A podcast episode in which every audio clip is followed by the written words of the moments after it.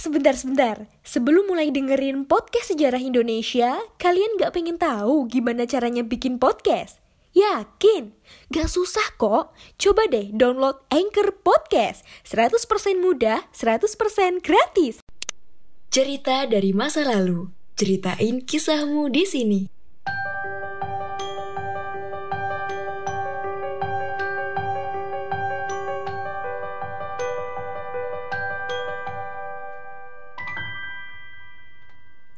Halo teman-teman, kembali lagi bersama saya Barbara. Kalian masih mendengarkan podcast sejarah Indonesia.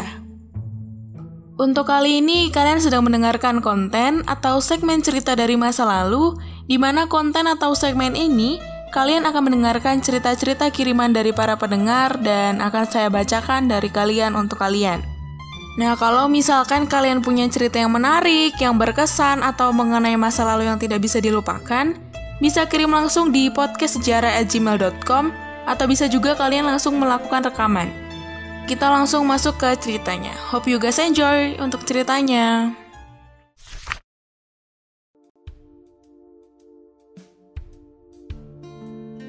Tanpa status sosial, ranking hanya angan.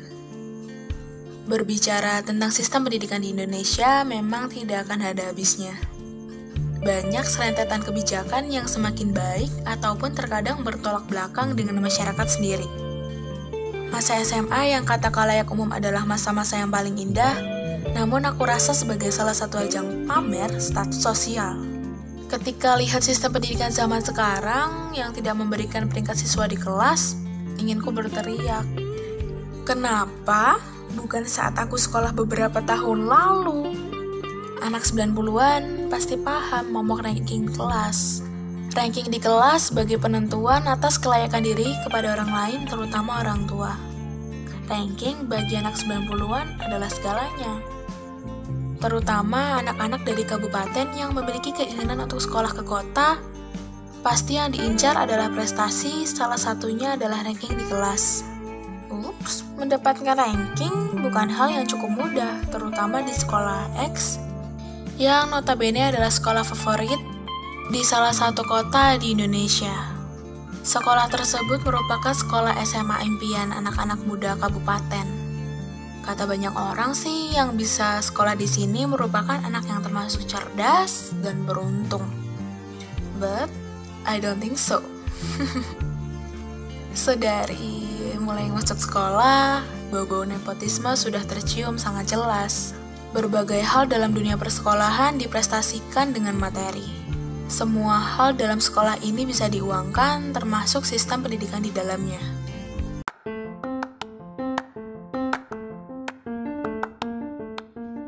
Halo Sobat Poseidon, kalian pasti sudah tidak asing lagi dengan Anchor. Yap, aplikasi penyedia jasa untuk para podcaster pemula dan juga pro.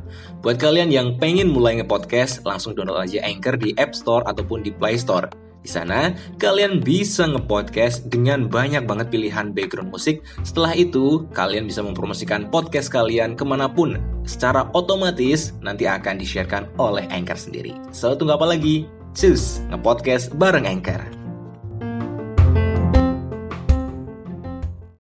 Ada beberapa oknum guru yang bermain api dalam sistem pendidikan di sekolah. Hal tersebut terlihat tindakan oknum guru yang sama sekali tidak mencerminkan tugas pokok dan fungsi guru sebagai pendidik. Setiap guru di sana diperkenankan membuka les atau pelajaran tambahan di luar jam sekolah. Awalnya, peserta didik jarang sekali yang minat dengan les di luar, ya karena menganggap membuang waktu dan uang, dan pada dasarnya mereka sudah mendapatkan pendidikan di sekolah dari pagi hingga sore menjelang. Namun, Rupanya rendahnya minat les pada siswa membuat beberapa oknum guru pelajaran tertentu seperti pelajaran yang memiliki basic hitungan menggunakan cara yang tidak sesuai. Para oknum guru tertentu menggunakan cara dengan menjamin nilai UTS dan UAS siswa akan baik apabila les dengan mereka, sehingga siswa dapat meningkatkan nilai secara bertahap sebagai bahan utama SNNPTN. Menakjubkan sekali tawaran beberapa oknum guru tersebut sehingga dengan mudah mendapatkan siswa les, termasuk teman-temanku. Mereka rela setiap mata pelajaran untuk les di guru-guru sekolah, Dan alhasil anak-anak yang les memang mendapat nilai yang lumayan cukup tinggi. Ya, karena pada dasarnya soal-soal UTS atau UAS yang akan datang sudah dikupas habis-habisan di tempat les. Anak-anak yang les sudah mendapatkan soal UTS atau UAS di tempat les, dan ketika UTS atau UAS angkanya saja yang berubah. Cara pekerjaannya mereka sudah dijelaskan di tempat les. Hmm, mudah bukan untuk mendapatkan nilai yang bagus? Teman-teman yang mengikuti les pun pastinya merogoh kocek yang tak cukup sedikit. Hal tersebut membuat mereka sungkan untuk berbagi satu sama lain kepada teman-teman yang lain. Mereka hanya mau sharing kepada teman-teman yang mereka anggap satu circle atau memiliki status sosial yang sama. Di kelas, status sosial memang diperuntukkan untuk membuat circle pertemanan. Di kelasku terdapat beberapa circle pergaulan sosial yang terbagi antara lain kelompok anak dari pekerja di perusahaan jasa marga, kelompok anak dari anggota dinas dan komite sekolah, kelompok anak his dan model majalah, anak cerdas yang suka ikut olimpiade, dan anak yang biasa saja dalam dunia prestasi dan dalam masalah keuangan. Anak yang biasa saja dalam dunia prestasi dan dalam masalah keuangan dianggap sebagai kaum minoritas di kelas, dan aku masuk dalam golongan tersebut. Les di luar sekolah adalah keinginan sebagian besar pelajar SMA pada saat itu. Namun apalah daya, apabila keuangan keluarga belum cukup untuk mengikuti les di luar.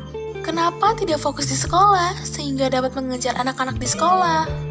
Ya, lalu bagaimana apabila di kelas guru sudah tidak mau menjelaskan dan berdalih? Ini sudah dibahas di les, bukan? Ketika statement tersebut sudah terlontar, anak-anak minoritas bisa apa? Nggak ada. Posisi inilah membuat golongan minoritas menjadi golongan yang tidak bisa melakukan apa-apa karena status sosial dan keterbatasan yang dia miliki. Koles tidak berbagi satu sama lain. Statement ini sebenarnya cukup rasional. Ya karena anak-anak yang les juga tidak mau dirugikan. Sehingga mereka akan membagi kepada anggota si circle yang memiliki manfaat dalam bidang lain bagi kehidupan mereka. Posisi ini sangat menyudutkan bagi anak-anak yang memiliki keterbatasan keuangan dan status sosial di kelas, sehingga memiliki lingkungan belajar yang cukup kurang sehat. Mereka akan berusaha dengan cara mereka sendiri, seperti browsing di internet, belajar dari buku, atau bertanya kepada siswa dari kelas lain. Namun, rupanya usaha tersebut belum cukup untuk masuk ke dalam 20 besar di kelas karena 20 besar sudah dihuni oleh anak-anak yang mengikuti les dan circle dari mereka. Kondisi tersebut membuat status sosial seseorang sangat berpengaruh dalam menentukan nilai belajar hingga ranking di sekolah. Beruntunglah, sistem pendidikan pada era sekarang sudah tidak ada peringkat di kelas dan guru tidak diperkenankan membuka les bagi siswanya di sekolah. And quotes today, sikap Anda menentukan perbuatan Anda. Perbuatan Anda menentukan prestasi Anda. By John C. Maxwell.